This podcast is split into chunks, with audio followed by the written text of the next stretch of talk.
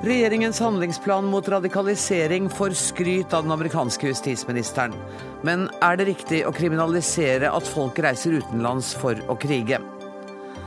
Pappaperm skaper trøbbel og bør fjernes, sier meglerveteran. Hvorfor gidder noen å få barn med disse smutthullspappaene, spør kommentator. Regjeringen vil sparke leger som nekter å sette inn spiral.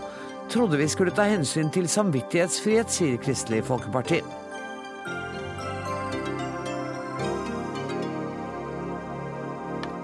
Dette er Dagsnytt 18 der vi også skal innom Brasil. Ikke først og fremst for fotballens skyld, men for å høre hvor det ble av alle protestene mot pengebruk, sløseri og korrupsjon. Men aller først til Midtøsten.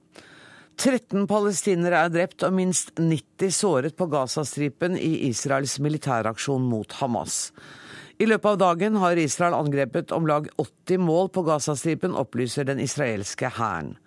En talsmann for Hamas sier at alle israelere nå er legitime mål. Sissel Wold, du er vår utsendte i Midtøsten.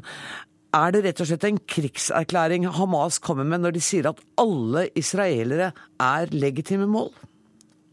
Det er ikke første gangen de har sagt det, men det kan jo også snu det og si at når Israel bomber og terroriserer eh, Gazastripen, som de har gjort i mange år nå, så er det også kollektiv avstraffelse av over en million eh, Gaza-palestinere som ikke kan komme ut, og som ikke har bombeskjelter. Så Det spørs jo helt eh, på hvilken måte du ser det. Det er ganske dramatisk her nå, fordi vi har akkurat hørt at uh, israelske militære regner med at Hamas vil angripe Tel Aviv, Ramat som også er en stor forstad til Tel Aviv, og andre tettsteder i kveld. Og Israels utenriksminister Moshe Alon han ber byene forberede seg og åpne alle bomberom, slik at folk kan komme dit og søke ly om det skulle komme raketter. Og Tel Aviv er nå i gang med å forberede seg på dette. Og det betyr i realiteten å forberede seg på en bakkekrig. Tidligere i dag så ble det opplyst at Israels statsminister Netanyahu har gitt hæren ordre om å forberede en mulig bakkeinvasjon av Gazastripen. Er det noen tegn til det? Ja, jeg sitter her omringet av masse reservistsoldater. Det er eh, folk som er mellom 40 og 50 år, som har nå trukket i militærklær igjen. De står her og spiser falafel og ser på iPhonene sine og, og, gjør seg klar. Og rundt meg på, på, på, på veiene her så er det stridsvogner og soldater som eh, kjører frem og tilbake. Og de har sperret av veiene rundt Gaza. Jeg sitter like utenfor Gaza nå. Men de israelere vi har snakket med, de syns jo ikke at dette er noen god idé å gå inn i Gaza igjen. fordi at det har jo ikke hjulpet dem før. Så hva skulle forskjellen være nå? Minst 13 personer har mistet livet i Gaza. Og nå hører vi altså at Israel kaller inn 40 000 reservesoldater. Hva har Hamas å stille opp? De har en del raketter. Eh, de har smuglet inn mye raketter fra Egypt i de tidene hvor tunnelene var åpne. Og i sånne. Nå smalt og nå ser jeg at eh, det kommer raketter eh, over oss her. Men mange av disse rakettene de blir jo stoppet av dette rakettskjoldet som Israel har, som heter Iron Dome. Og når vi bare hører smell og ikke sirener, så betyr det antageligvis at det også er israelske raketter. Men også, eh, jeg har også hørt at eh, flyplassen i Eilat er stengt, og Tel Avivs innenriksflyplass er stengt. Jeg syns jeg hører eh, sirener bak deg òg, ja. Det er politiet og sykebiler, og så er det en del stridsvogner som kjører forbi her. Um, eh, nå kom jeg litt ut av det. Ja, vet du hva, det skjønner jeg, Sissel. De er jo litt De er jo De syns jo dette er slitsomt, ikke sant. Det blir jo aldri noen noen løsning på dette. Og det er jo også fordi at, eh, at, at Gaza-folk er sperret inne. Og de, de, eh, de, kjemper jo for å få en bedre situasjon. De får det bare verre og verre inne i Gaza. Tusen takk for at du var med i Dagsnytt 18 i dag igjen, Sissel Wold. Hør Dagsnytt 18 når du vil. Radio NRK.no. We've had a really good exchange of uh... Uh, of ideas and thoughts about a number of issues. Uh, the action plan that uh, Norway is in the process of implementing is a very impressive one and one that we're going to take back to the United States and examine and see how we might do something similar. Der hørte vi USAs justisminister Eric Holder i ettermiddag da han møtte sin norske kollega Anders eh, Anundsen. Og som vi hørte, så var han imponert over Norges handlingsplan mot radikalisering. Eh, og har tenkt å stjele noen av ideene for å se om de kan gjøre noe tilsvarende der. Og han advarer i dag også mot å sitte stille og se på at Syria skal bli et treningsområde for terrorister. Anders Anundsen, eh, du var kanskje ikke så overrasket over denne rosen, for du vet jo at han likte tanken på at du skulle begynne med en sånn handlingsplan? Ja, Vi snakket om dette allerede i november i fjor, da jeg var eh, og besøkte ham i, Washington, hvor vi diskuterte vårt eh, da nylig påbegynte arbeid med denne handlingsplanen. Eh, og han har en veldig sterk interesse i eh, hvordan en kan eh, jobbe for å sikre at en forebygger radikalisering og voldelig ekstremisme, som er et stort problem i Norge, og som er et stort problem i USA. Var du litt overrasket over at USA ikke var kommet lenger enn oss, akkurat når det gjaldt å drive med forebyggende tiltak og forberede seg på det? Dette er nok utfordringer som veldig mange land står oppi med begge beina. Det er en utvikling som har gått med rasende fart. Utviklingen av dette problemet selv om det ikke er et ukjent problem, så har utviklingen gått ganske raskt. Og Da er det viktig å sette seg ned og se hvordan vi kan samle de gode kreftene vi har, for å bidra til at eh, vi forebygger den typen eh, radikalisering og voldelig ekstremisme som utgjør en stor trussel, ikke bare i Norge og USA, men eh, i hele verden. Og du mener at det er en felles trussel? Altså det er likheter mellom Norge og USA på dette? Ja, selv om Norge og USA på mange måter er veldig ulike land og ulikt organisert og strukturert, så er akkurat denne utfordringen relativt lik. Eh, I likhet med oss så vet, vi, vet de for lite om selve radikaliseringsprosessen. Hva er det som motiverer ofte unge mennesker som eh, har veldig ulik bakgrunn, til å gå i eh, hellig krig mot vestlige verdier, eller gå i hellig krig for å forsvare eller angripe. Det er en prosess som vi må vite mer om. Men det viktigste er at vi tenker i to spor. Det ene er at vi må jobbe for å prøve å hindre dette, altså forebygge. Men vi må også være beredt til å håndtere den situasjonen for de som vi ikke klarer å forebygge altså straffe. Det skal vi komme litt tilbake til. Jeg har bare lyst til å spørre deg et spørsmål til når det gjelder Eric Holder. Eh, den kontakten dere nå har hatt, betyr det at dere også kan uh, ha et samarbeid av mer uformell karakter? USA er en av våre aller, aller viktigste samarbeidspartnere også på dette området. Og eh, det er en veldig god dialog mellom våre land på alle nivåer, vil jeg nær sagt si. Og Holder er også en veldig empatisk, hyggelig kar å forholde seg til. Og det at vi har den nære eh, dialogen er viktig. Dette er den eh, første justisministeren på ti år fra amerikansk side som besøker Norge. Jeg er ganske stolt av at vi har fått til eh, enda tettere bånd med den amerikanske regjeringen. Og så til ditt departements forslag om å straffe dem som altså deltar i krig i utlandet. For dere vil gjøre det straffbart å delta i internasjonale konflikter på vegne av ikke-statlige grupper. Hvorfor har dere valgt å tette akkurat dette hullet i lovverket? Ja, Det er litt forskjellige alternativer eh, og avgrensninger. Et alternativ med at det skal være krav om en internasjonal konflikt, et uten. Eh, nettopp fordi dette er en del eh, vanskelige grenseganger. Dette er egentlig en fortsettelse av jobben mot Eller for å sikre at folk ikke skal kunne reise og delta i det som kan være terroraksjoner. I dag så er utfordringen, selv om handlingene, altså drap, terror, er straffbart fra før så vil du eh, komme i en bevissituasjon hvor det ofte er vanskelig å knytte enkeltpersoner til en helt konkret hendelse. Da er det lettere å si at det er selve det å delta i den typen militær virksomhet som er det straffbare. I mm. tillegg så ønsker vi jo da å eh, forby eh, rekruttering. Ikke bare til eh, terror, som er forbudt i dag, men også til den typen militær aktivitet som vi anser for å være illegal og det vi kaller å inngå forbund om, eller avtale om, at du skal delta i eh, den typen militær aktivitet. Dette er noen og 30 sider, eh, og som lekperson så var det et par ting jeg festet meg ved. Det ene er at dere gjør ikke noe forskjell på om kanskje um den handlingen å, skulle gå i den krigen i og for seg kan ses på som ideell, f.eks. ved at du går i krig mot et autoritært regime. Alt eh, ifølge dette forslaget skal være straffbart. Ja, det er en av de avgrensningsdilemmaene som en er i. Vi har prøvd å avgrense mot eh, det som eh, fortjener beskyttelse etter Genévekonvensjonen, altså Ja. at du har en strukturert krigføring, som noen ganger kan være legitim. Så det som er formålet med dette, er at du skal ramme all illegitim militær aktivitet. Eh, Det betyr at eh, hvis det skulle komme til en borgerkrig i Nord-Korea, så vil vi bli straffet hvis vi eh, reiser dit og kriger mot eh, det totalitære regimet. Hvis, ytterkant, jeg skjønner at det er ytterkant, men bare for å si at det er der vi er. Nja, det er ikke nødvendigvis der man er. For hvis det er en organisert motstand med en militær struktur som får beskyttelse etter Genévekonvensjonen, så vil det ikke være straffbart. Så det er derfor, og det er der, men det er også derfor det er viktig at uh, vi har dette forslaget ute på en skikkelig høring. For det er en del dilemmaer som oppstår i grenseland her. Og det er viktig at vi innretter det endelige lovforslaget sånn at vi rammer de vi ønsker å ramme. Og så har dere et forslag som Igjen så tøyer det sikkert og tabloidiserer noe kraftig. Men dere har et forslag som eh, faktisk kriminaliserer det å planlegge. Den diskusjonen har man jo vært oppe i tidligere.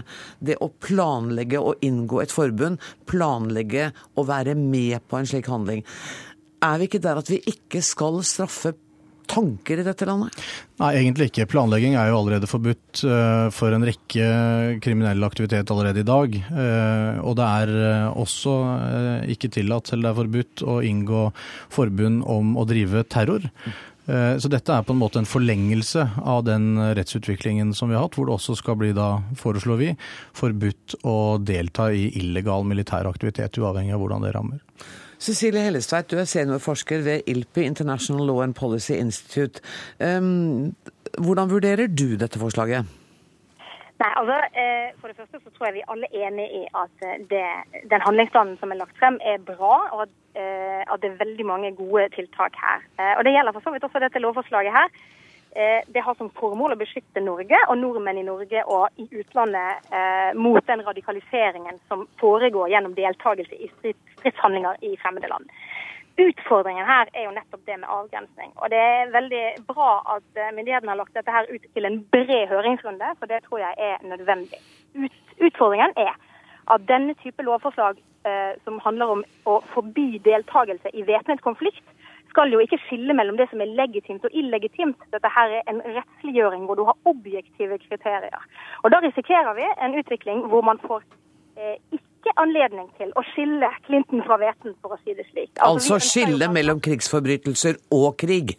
Ja, eller først og fremst handler det om å, å, å si at man ikke har lov til å reise fra Norge og delta i konflikt ute. Og I dag så snakker vi jo særlig om ISIL, folk som reiser til ISIL for å delta i en væpnet konflikt i Syria. Men det finnes også Norge, eh, kurdere som sitter i Norge, som ønsker å reise til Nord-Irak for å beskytte sine hjem, hjemlige områder, eller der hvor familien har eiendommer, mot nettopp ISIL. Og de vil også vil kunne rammes av en objektivisering av et slikt straffeforbud.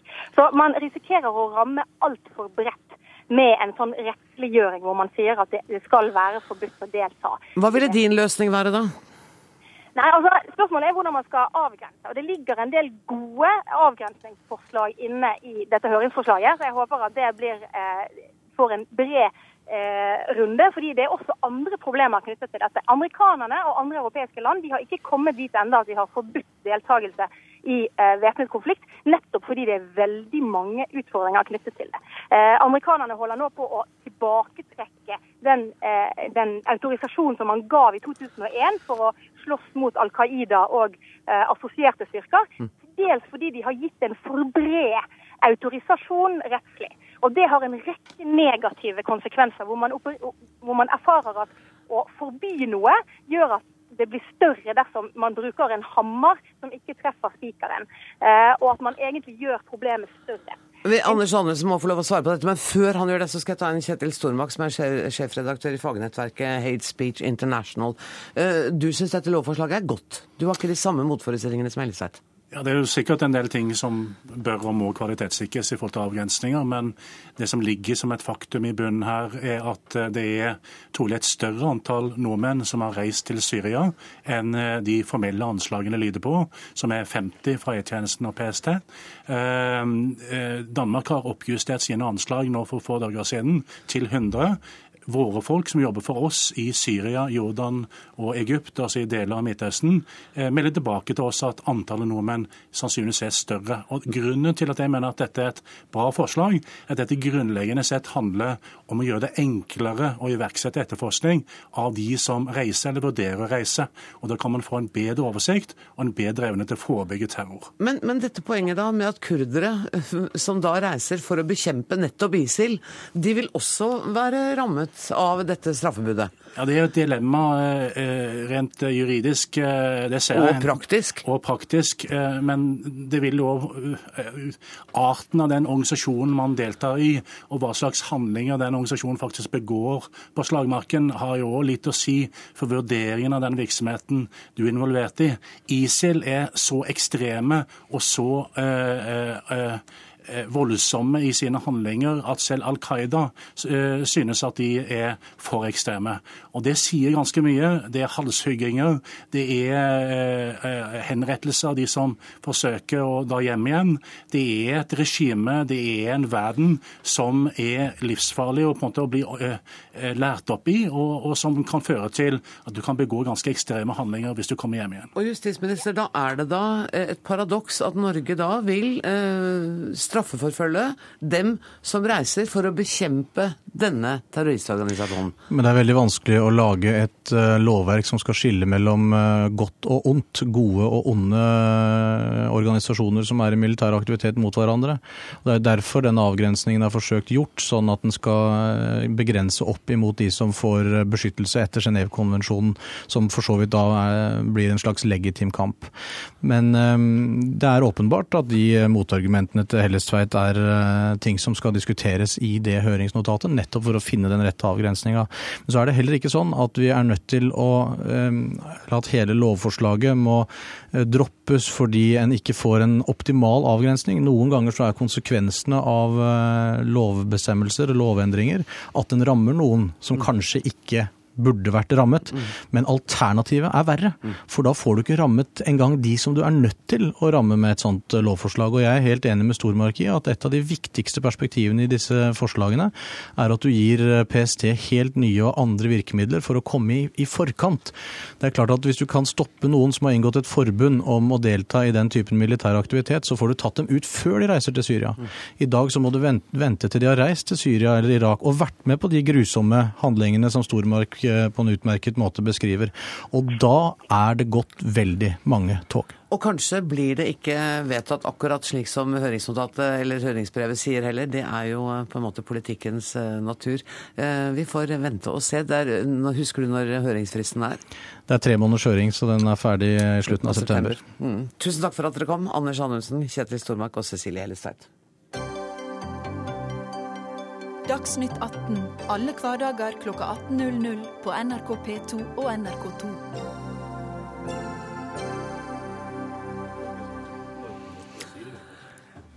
Permisjon for å være hjemme med små barn er den minst populære av alle velferdsordninger, i hvert fall hvis vi skal tro landets fremtredende meglere.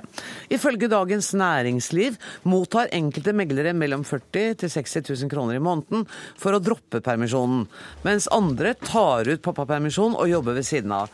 Megler Jan Petter Sissener, du har full forståelse for folk som gjør det. Nei, det har jeg ikke sagt. Eh, det vil jeg gjerne understreke. Ja, Kom igjen og presiser. Ja, jeg skal gjerne presisere. Jeg har ingen respekt for folk som omgår loven som sådan.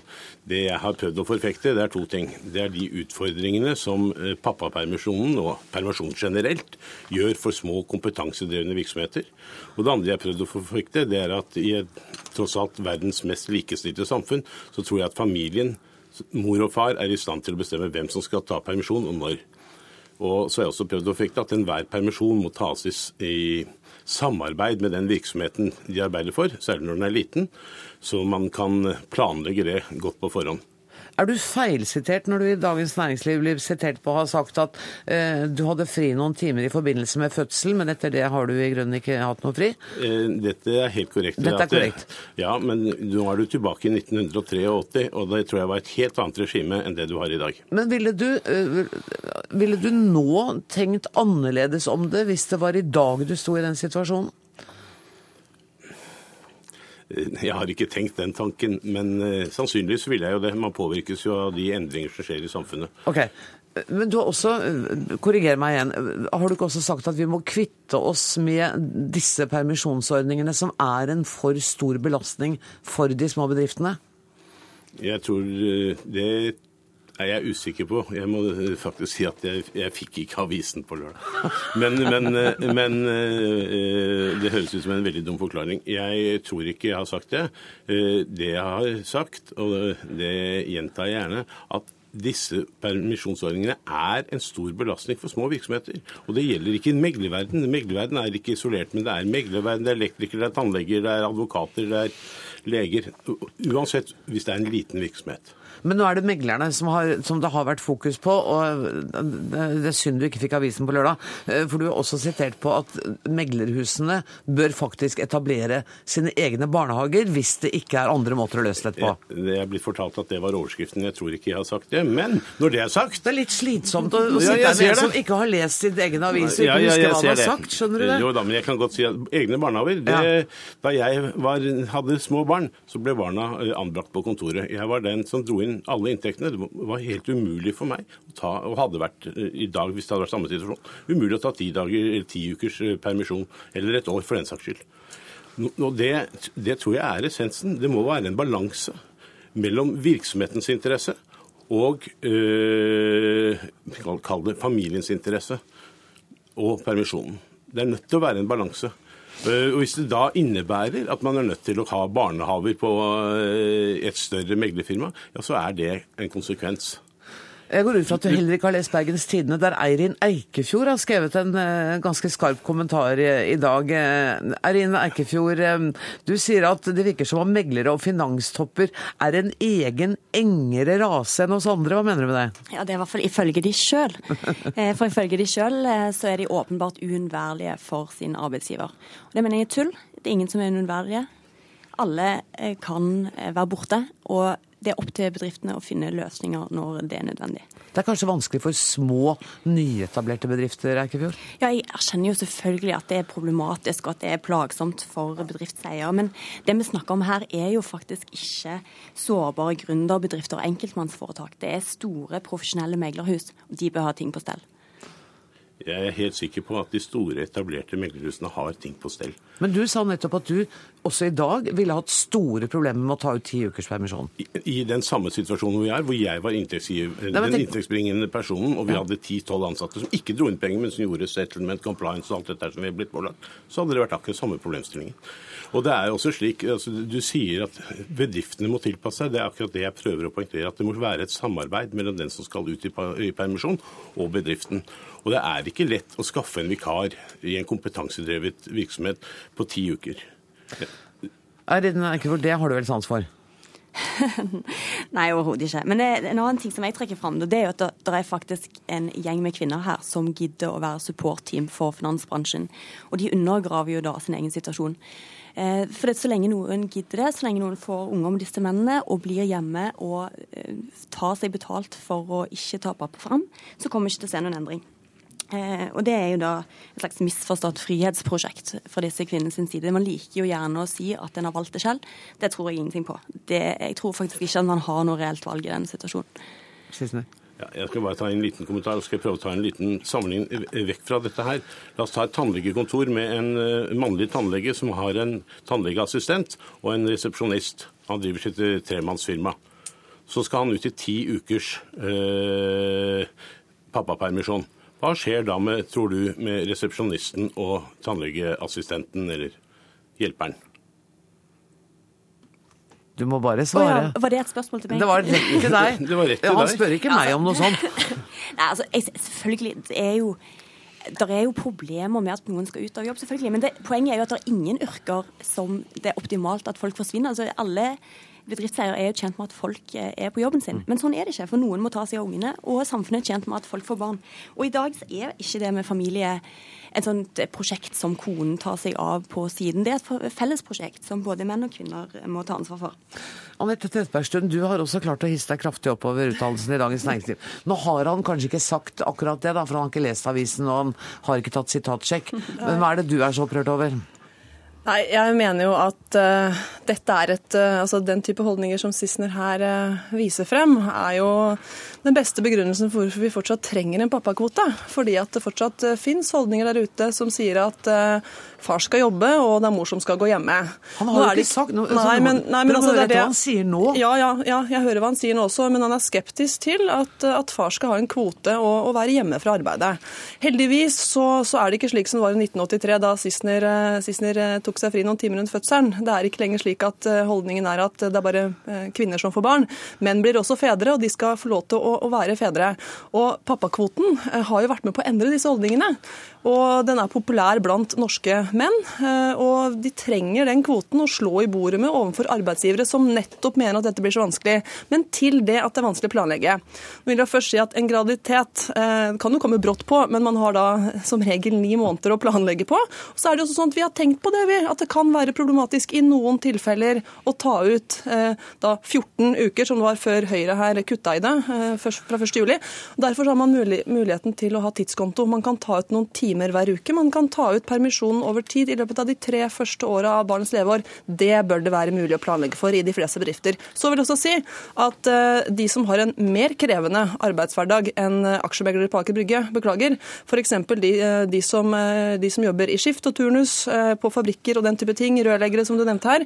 Gutta i Fellesforbundet, det er jo skikkelig bra mannfolk som til og med krevde pappa, pappaperm i lønnsoppgjøret. Så heldigvis er det ikke slik at eh, her er representativ for alle menns holdninger, og det vi også få med oss. Pappakvoten er populær, og den har hatt stor effekt. Stefan Eggelin, stortingsrepresentant for Høyre. Eh, du er, kanskje har mer forståelse for Sisseners eh, problemstillinger her? Vel, vel, eh, det var dine ord. Jeg vil, si, ja, jeg vil si følgende. Det som jeg syns kanskje er litt overraskende med den DN-artikkelen vi så her for noen dager siden, det var jo at Sissener, eh, og det synet han forfekter, var jo den moderate, tydeligvis, i meglerbransjen. Og det var jo kanskje litt overraskende.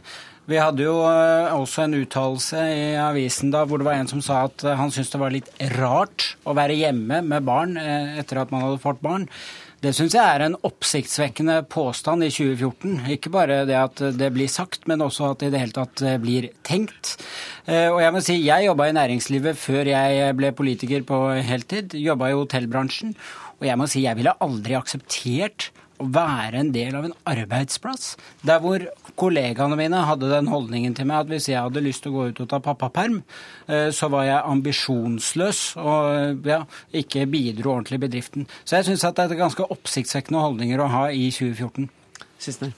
Gjerne... Du må representere hele, du. Jeg, jeg skjønner det. Jeg tror at uh, dette sitatet du nå siterer, tror jeg var uttalt av Gaute Eie.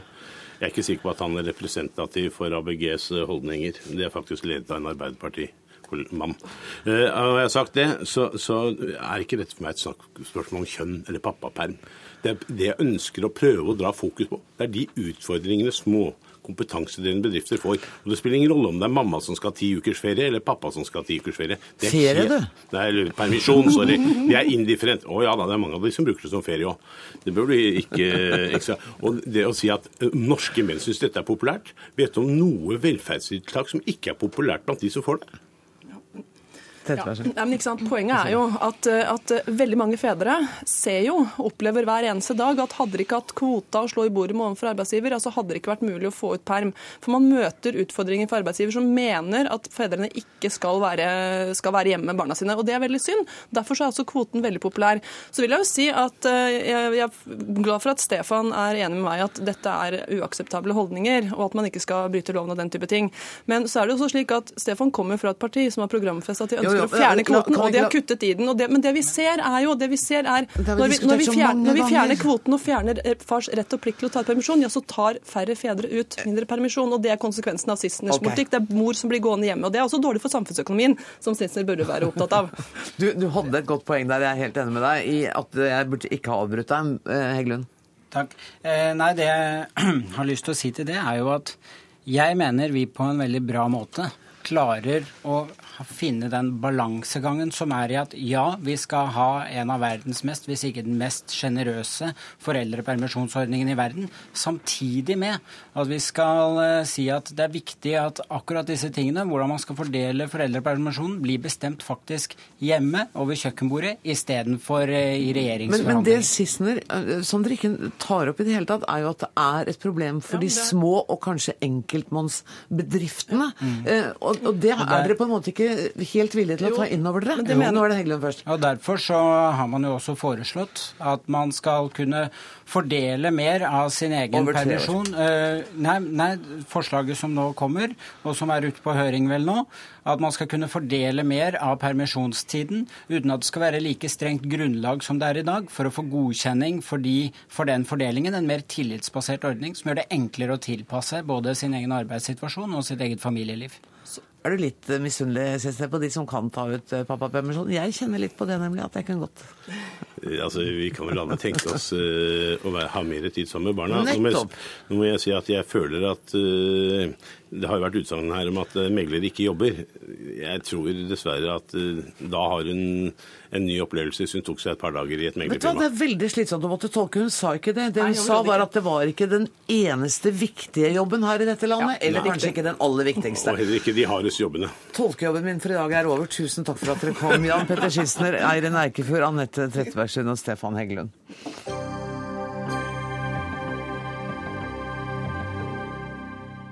Helseministeren mener at kommuner skal ha lov til å si opp leger som nekter å sette inn spiral, skrive ut prevensjon og henvise til assistert befruktning av samvittighetsgrunner. Geir Toskedal, du er stortingsrepresentant for Kristelig Folkeparti, og du reagerer på helseministerens uttalelser om dette? Ja, det er jo en sak som er ute på høring nå. og For å ta det fra begynnelsen, så er vi jo veldig fornøyd med at vi har fått fjerna henvisningsplikten slik at den er på plass. Og så har vi sett ned, skal vi sette ned et utvalg som skal se på samvittighetsfrihet eh, på hele bredden i yrkeslivet. Ikke bare leger, men eh, pedagoger, lærere og alle andre dilemmaer som måtte oppstå. Og da blir det spesielt at regjeringen eh, påpeker at akkurat det med spiral og den prevensjonsformen, det skal ikke bli unntatt. Vi syns det var litt spesielt. Men er det ikke greit for landets leger å få en rask avklaring akkurat på dette spørsmålet? Da vet man hvor grensen går. Jo, men det har jo fungert eh, helt fint i mange år.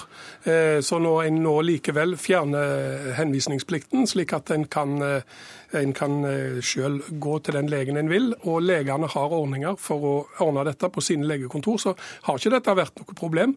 Og det blir spesielt når en trekker ut ei yrkesgruppe og en spesiell sak. For de kan jo ha fritak eh, hvis de f.eks. Eh, kvaliteten ikke er god nok. Hvis, hvis du sier at de kan det ikke? Ja, og hvis det er vikarlister og hvis det er andre ting. Og da blir det veldig spesielt. Men hvis du har samvittighetsproblem, da får du ikke slippe unna.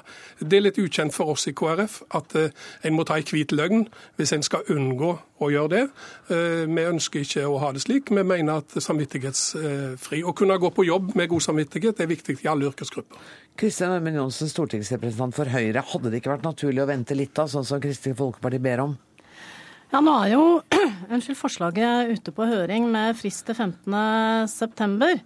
Ehm, så sånn sett så er det jo fortsatt tid. Men helseministeren har vært veldig tydelig ja, på hva han ønsker. Og det er jeg glad for. Fordi at ordningen har ikke fungert så bra som det her hevdes. Det er kvinner som har gått til leger som har opplevd det, at de egentlig ikke får den veiledningen og informasjonen de har behov for, og at leger egentlig har vært eh, imot, hvis vi nå snakker om abort og bedt kvinnene komme tilbake igjen. Så denne diskusjonen vi har hatt om eh, reservasjonsrett, eh, skråstrek mulighet, den har jo avdekket at det ikke har fungert godt, og at det ikke har vært klare nok regler.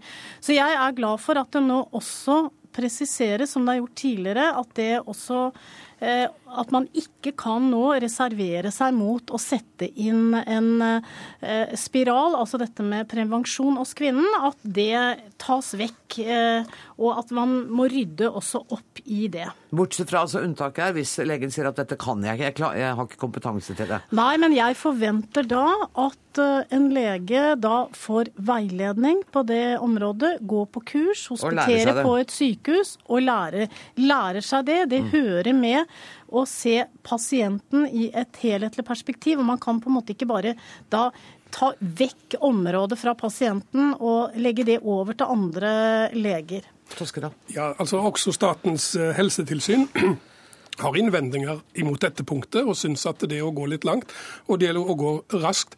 Eh, kan ikke jeg bare få bryte inn og si at jeg er klar over det? Og Helsetilsynet har vi ringt til, og de ja. takket nei til å stille i, i Dagsnytt 18 i dag, fordi de akkurat nå jobber med et høringssvar og behandler flere saker ja. som omhandler samme tema, bare sånn at vi har presisert det. Ja, jeg forstår det. Det er viktig for oss at kvaliteten er oppe, at pasientrettigheten er på plass, at kvinnene får den hjelpen de skal ha.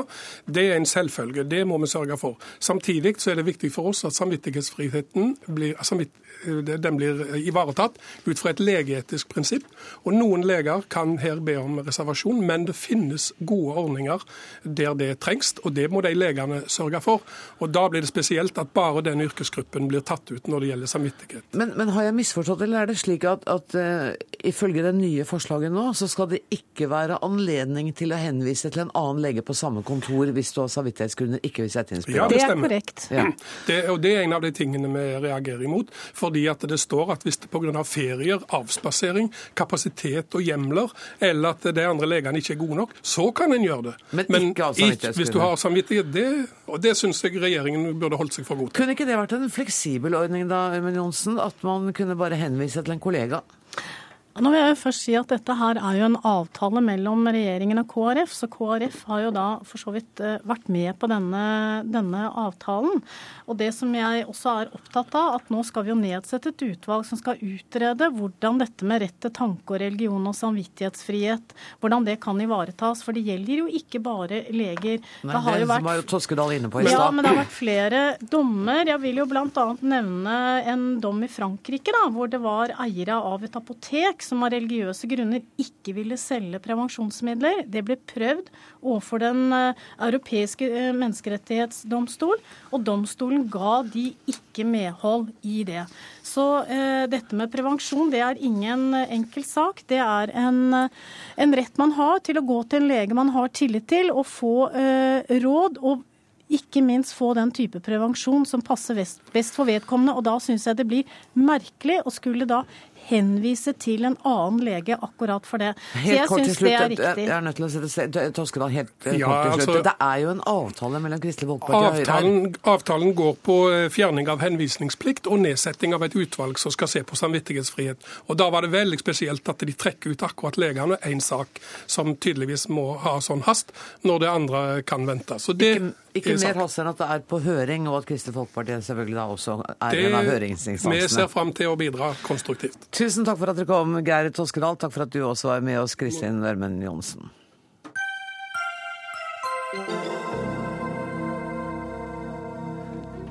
Heretter skal Arbeidstilsynet få siste ord når arbeidsmiljøloven, unnskyld, når arbeidsmiljøloven skal tøyes. I dag er det de sentrale fagforbundene som kan si ja eller nei til unntak fra loven, og det vil regjeringen endre.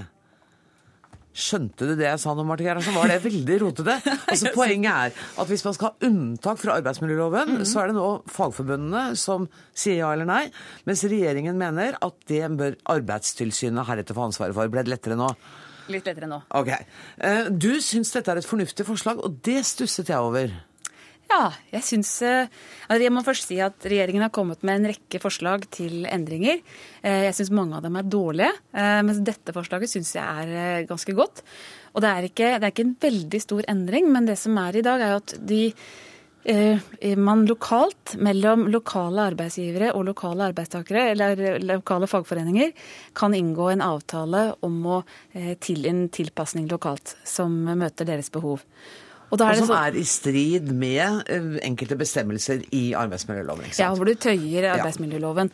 Og da er det sånn i dag at uh, selv om partene lokalt har blitt enige, eh, så må de søke og få godkjenning fra sentrale, den sentrale fagforeningen. Eh, og jeg mener at det vil være mer ryddig og mer i tråd med måte, resten av hvordan vi har organisert arbeidslivet. At det er en, en tredjepart som er nøytral, som har det overordnede den, den, den, siste beslutningen og gir innstillingen til om dette er greit eller ikke. Men er det ikke litt påfallende at du som leder i Tankesmia Agenda er på en måte villig til å være med og svekke Eh, de fagorganisertes kamp og makt i den situasjonen? Jeg ser det ikke sånn i det hele tatt. Eh, jeg er veldig opptatt av et godt organisert arbeidsliv, et velregulert arbeidsliv. Og jeg mener at vi har veldig mye bra å ta vare på i, i Norge i så henseende. Men så er det noen ting som det går an å forbedre og fornye. Og det er klart at vi som er opptatt av å bevare oppslutningen rundt eh, måte, rammene i det norske systemet, vi må også være villige til å se på hvordan det kan bli bedre. Og jeg tror dette er en forbedring. Og jeg tror det vil øke oppslutningen om det systemet vi har i dag. Bedre for arbeidstakerne. Anders Folkestad, du er leder i Unio. Du er ikke helt enig med Marte Gerhardsen her?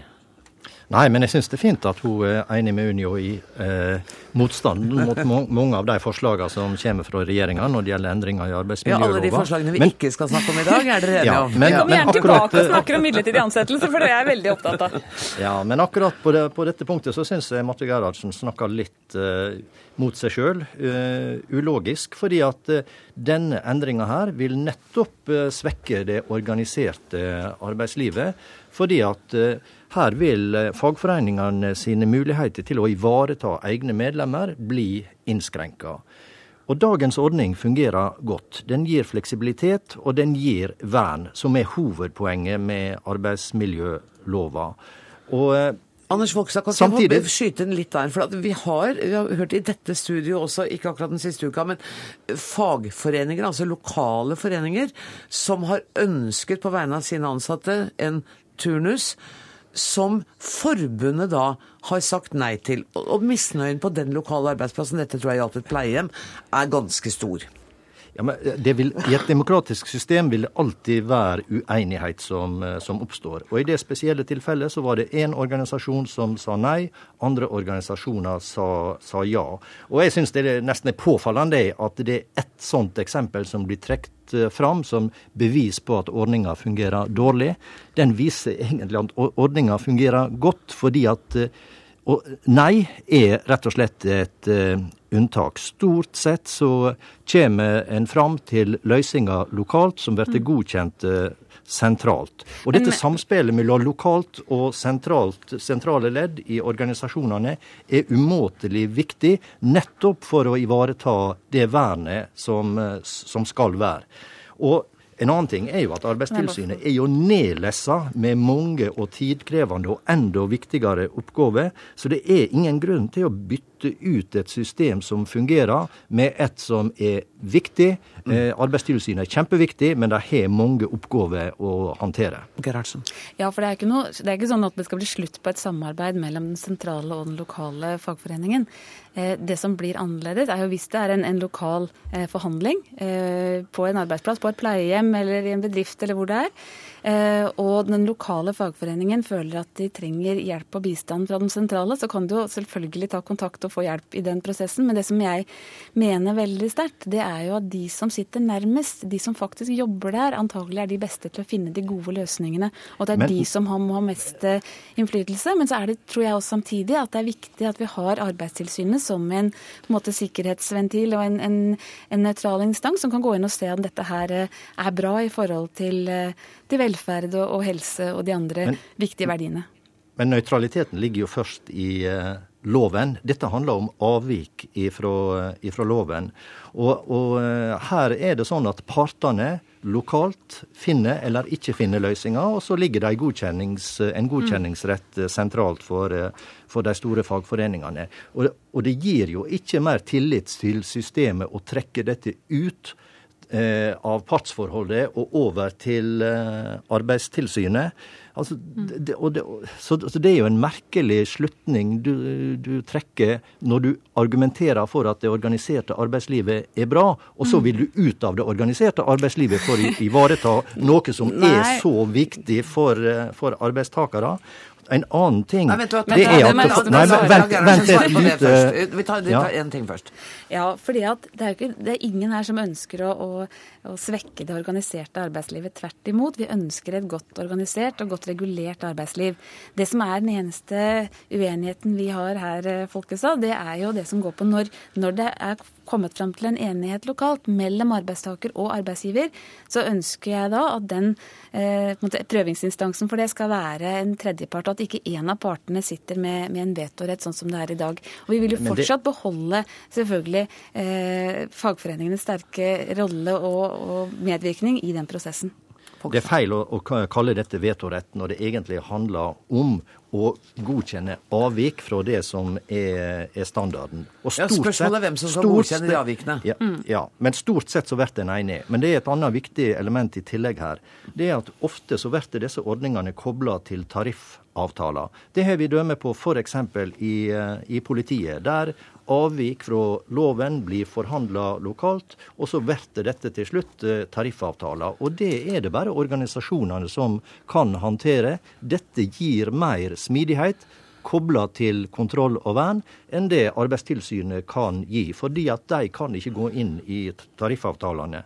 Så, så langt så når du, når ja, du Marte Gerhardsen, støtter, det, støtter dette her, så, så, så undergrever du fagforeningenes rolle. Ja, og spørsmålet om påvirkningen i tarifforhandlingene den må vi eventuelt komme tilbake til. Men dere skal ha hjertelig takk for at dere tok debatten i dag, Marte Gerhardsen og Anders Folkstad.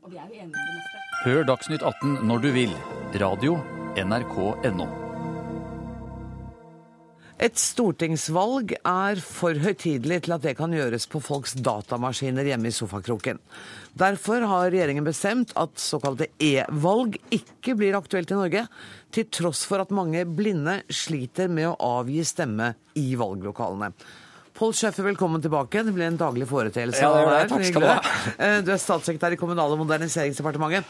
Hvorfor har dere konkludert med at det ikke er aktuelt med elektronisk valgordning? Nei, Det er, det er gjennomført uh, forsøk nå ved forrige stortingsvalg og ved kommunevalget før det, som i og for seg uh, var vellykkede i teknologisk forstand. Uh, men vår holdning er, og det tror jeg det er ganske bred politisk oppslutning om, er at valghandlingen i dag i hovedmodellen er å knytte det til valglokalet, og at det er fremmøte i valglokalet som gjelder. Så det å sitte hjemme, en slags internettavstemning, er ikke må, riktig måte å gjennomføre valg på uh, i Norge. Så må vi selvfølgelig tilrettelegge for at uh, stemmeretten er uh, reell, ikke bare formelt, men også rent praktisk for grupper som har problemer enten med å komme seg til valglokalet eller å orientere seg i valglokalet. Og Det er selvfølgelig en viktig diskusjon, men, det er en litt annen diskusjon, opplever vi, enn en generell adgang til å stemme på men internett. Det som ikke er en annen diskusjon, er jo at vi har hemmelige valg her i landet. Ja. Og det er altså den ordningen dere nå går inn for,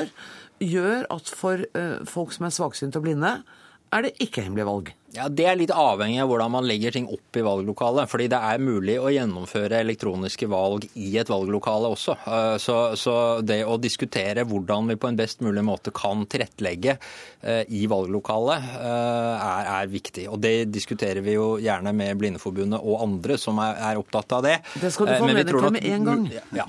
Sverre Fuglerud, du er seksjonsleder i, i Blindeforbundet. Kunne, nå hører vi at det, det blir ikke aktuelt at man kan sitte hjemme og stemme på PC-en. Men er det en like god løsning at man legger til rette for elektroniske løsninger i valglokalet? Nei, det er nok ikke det. Altså, her bruker man eh, utstyr som er nokså spesielt, og som man da kjenner godt det man har hjemme. Og Det skal veldig mye til at man eh, får slike løsninger i alle valglokaler. Eh, så da vil du fort ende på noe utstyr som du ikke er godt kjent med. Det krever stor teknisk kompetanse for å få det til i valglokalene. Det er gjort en undersøkelse etter e-valgforsøket i 2011 blant funksjonshemmede som viser at eh, dette var kjempe noe man slutta veldig opp om og, og syntes var veldig bra. Så vi, vår henstilling til Shaffi og departementet er jo nå at man ser på dette en gang til, og at man eh, lager en slik e-valgmulighet for funksjonshemmede som i dag faktisk i en del tilfeller ikke får stemt hemmelig. Eh, den undersøkelsen fra 2011 viser at det er bare 60% av praktisk blinde, altså folk som ser så dårlig som meg, som sier at vi har fått stemt hemmelig. Og da har man ikke tatt med dette med mulighet for kumulering og sånt noe. Da er vi nødt til å ha hjelp. Eh, og da er spørsmålet hvor hemmelig er det når ektefellen din eller en eller annen faktisk vet eh, hva, hvilke rettelser du har gjort på stemmeseddelen. Kan jeg spørre om noe fryktelig dumt, eh, Fuglerud?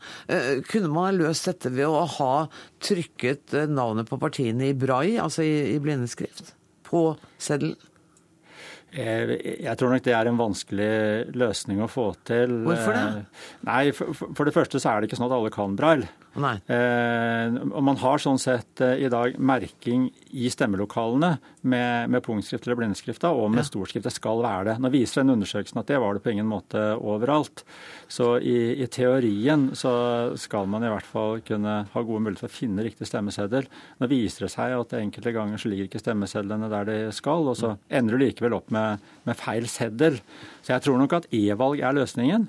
Og skal du få retta stemmeseddelen, få kumulert de du vil, kanskje få strøket noen og gitt noen slengere, så er du helt nødt til å inn med e-valg.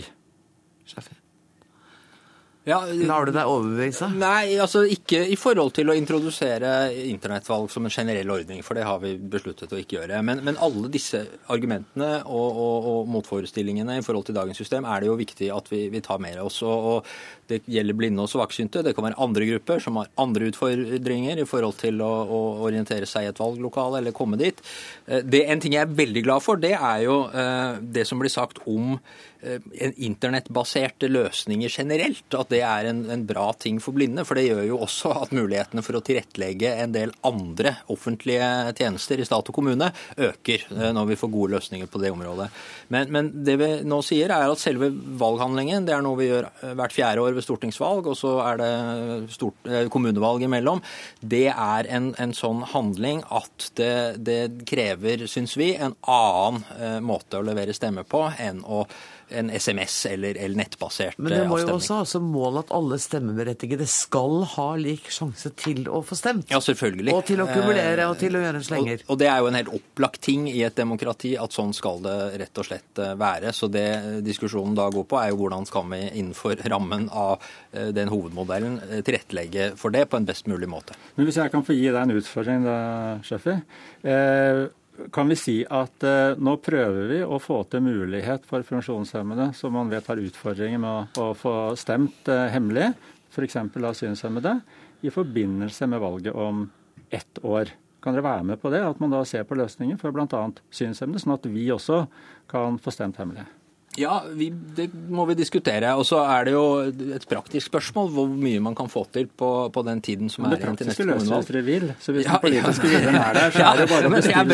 Da har man klart, da man klart å få til forsøk i 10-11 kommuner to ganger. Det er ikke noe problem. Nei, men altså, Vi er jo enig i hovedutfordringen her, ja, ja. nemlig at vi skal legge til rette for oss alle. Utfordringen er gitt, og den tar Shaffi med seg ut av studiodøra. Jeg må si tusen takk for at dere kom, statssekretær Pål Shaffi og Sverre Fuglerud, seksjonsleder i Blindeforbundet.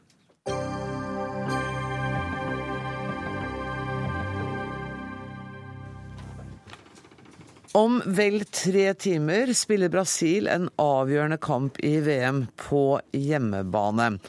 Og nei da, det er ikke noen grunn for dere som ikke er fotballinteressert til å skru av enda, fordi at vi skal snakke om litt andre ting enn fotball. For det er nemlig slik at før avspark for en måned siden, så var det voldsomme protester mot pengebruken i Brasil. 70 ønsket ikke fotball-VM velkommen, og Fifa fikk voldsom kritikk. Nå som Brasil selv ligger an til å kunne ta verdensmestertittelen, har flere og flere meldt seg på folkefesten. Arnt Stefansen, du er i Rio de Janeiro og sikkert en del av denne folkefesten. Hva syns brasilianerne nå? Som de har muligheten til å vinne. Det er ingen tvil om at brasilianerne de siste ukene har konsentrert seg om selve fotballen. De har stimlet sammen på gater og torg og foran en million TV-skjermer som er satt opp overalt rundt om i dette landet, og heiet på, på sitt lag i de gule trøyene. Eh, og det har vært fokus. Men det betyr ikke at man har glemt hvorfor man demonstrerte. Man har to tanker i hodet samtidig, og når VM er over og finalen er spilt, så kommer dette temaet tilbake. Det er helt sikkert, det sier veldig mange som jeg har snakket med, også under kampene og i forbindelse med kampene at dette er et tema som bare ligger der, og som vil være aktuelt når VM er slutt og når regningen kommer på bordet. Ja, for det er ikke blitt færre fattige, det er ikke blitt mindre korrupsjon. Man har på en måte bare tatt en ørliten ferie fra lidelsen. Ja, det tror jeg er riktig. Man har satt dette på vent nå. Mm. Det er ikke det som har, som har vært i fokus. Men folk eh, flest eh, er jo uh, veldig kritisk. Og da snakker jeg virkelig om folk flest. Altså både de fattige som direkte er berørt av tvangsflyttinger, av dårlige helse, helsetjenester som man burde ha brukt pengene på, etter veldig manges mening, i stedet for på fotball. Men også middelklassen som jo eh, hovedsakelig er de som betaler skatt i, i, i dette landet. Eh, og de er jo også veldig kritiske til pengebruken under, under VM, ut fra, ut fra, en annen synsvinkel. da. Mm. Jeg så en TV-reportasje hvor det var en, en, mann nettopp sa det der det er middelklassen som betaler skatt, og det er vi som får regningene i ettertid. Men en annen ting som slo meg, kan en av grunnene til at, at vi har sett en sånn nedgang i eh, protestene, også være at det har vært ganske militarisert eh, VM. Det har vært mye politi og militær i gatene. Ja da, det er helt opplagt et moment her. Eh, det har jo vært 170 90 000 eh, politifolk, militære og private sikkerhetsagenter i sving. Jeg har bodd her i ti år. Jeg har aldri sett tilnærmelsesvis så mye sikkerhet eh, i, i gatene. Eh, og det har helt opplagt hindret f.eks. demonstranter å komme til på selve arenaene, slik de hadde noen planer om. I tillegg så har det usynlige politiet, altså overvåkningen, vært veldig effektiv i forkant, både på sosiale medier, der disse gruppene eh, opererer, og også ved å infiltrere demonstrantmiljøene. Mm. Slik at man har lært veldig mye av demonstra demonstrasjonene som var her i fjor, og har vært godt forberedt. Og dette har opplagt også svekket og lammet litt disse demonstrantgruppene. Arnt, heng med oss litt til, for jeg har besøk i studio av eh, Olivia Corso Salles, som er født i Rio og vokst opp i Norge og ikke helt overraskende en ivrig Brasil-tilhenger. Um, hvor viktig er det at Brasil vinner VM i forhold til det vi har sett av demonstrasjoner og sosial nød? Altså, jeg tror jeg er helt enig med Svansen at det er mulig å ha to tanker i hodet samtidig. Jeg tenker okay. at um, hvis Brasil hadde gått ut tidligere, så hadde det kanskje vært, hadde det kanskje vært enda mer betydningsfullt. Eh, men når man har kommet så langt som man har, så har man veldig lyst til å få gull. Det her har man jo drømt om i mange år. altså Man er på hjemmebane. Eh, og har, det er lenge siden vi har hatt gull, eh, så det er viktig. Men eh, fortsatt så kan man være provosert over urettferdigheten og ikke minst over både korrupsjonen over Fifa, all frustrasjonen rundt det. Ja, altså Fifa er jo noen av de som har vært mest skyteskive for protestene. Og Fortell meg hva Budwiser Bill er for noe? Ja, nei, har, I Brasil så har det jo eh, i lang tid ikke vært lov til å servere alkohol på, på, fotballstadion. og Det har vært fordi at man har ønsket en bedre kultur, og man har hatt lyst til å også for å minske vold og for å ja, i det hele tatt. Eh, et veldig godt vedtak som folk sto bak. Eh, og så kom Fifa inn, og da insisterte de på at eh, Budwiser, siden det er hovedsponsoren deres, skulle få lov til å servere. Så derfor så klarte de å få inn en ny lov så det vil si at de har rett og slett overkjørt politikerne og det brasilianske folket. Og nå er det mulig å kjøpe øl på stadion fordi at Budwiser er en av sponserne til, til Fifa. Men selv dette blir glemt nå om noen timer når Brasil spiller? Ja, altså jeg tenker når, når, det er kamp, og det skjedde jo også i startfasen, når man hadde testkamper, så var det demonstrasjoner utenfor stadion. Men med en gang Brasil skårte, så var det jubel. Og det er jo fordi folk har ikke vært mot Eh, VM, egentlig. Eh, det folk har vært eh, mot, er korrupsjonen, de enorme summene som ble brukt. ja. Vet dere hva, kjære venner, Jeg har bare et minutt igjen av denne sendinga, men jeg har lyst til å spørre dere helt til slutt hvordan dere har tenkt å feire eller følge med på kampen. Jeg spør Olivia først. Hvor skal du? Jeg skal på pokalen på, på Vulkan. Og der skal en pub? En pub, ja. Og der skal jeg se fotball sammen med veldig mange brasilianere. Og capoeira og samba og god stemning. Hvordan er stemningen din hvis, dere, hvis Brasil ikke vinner i dag? Da, da, går jeg hjem og legger meg, men det gjør vel egentlig uansett. Arnt Stefansen, eh, hvor har du tenkt å tilbringe fotballkvelden? Jeg skal ut på en gatekafé og lage reportasjer til NRK bl.a. Og så skal jeg hygge meg med fotballen. Og heldigvis har jeg vært Brasil-fan i hele mitt liv, så det gjør jo eh, livet litt enklere når man bor her. Og jeg håper inderlig at Brasil ikke taper, for jeg, det har jeg opplevd før under et VM. Og det er som å være i en begravelse der man ikke er invitert. Jeg trodde et øyeblikk at du skulle si at du håpet ikke tapte fordi du har vedda på dem, men det, så langt går du ikke. nei, nei, på ingen måte. På ingen måte. Heia Brasil. Tvitt-tvitt til dere begge begge to. Tusen takk for at dere var med i Dagsnytt 18, Arnt Stefansen og Olivia Korsås Halles. Eh, dermed er eh, denne sendinga nesten slutt. Jeg skal bare helt til slutt legge til at det er Bjørn Atle Gillestad som har hatt ansvaret for Dagsnytt 18 i dag. Det tekniske ansvaret har Frode Thorshaug. Jeg heter Anne Grosvold og sier takk for nå.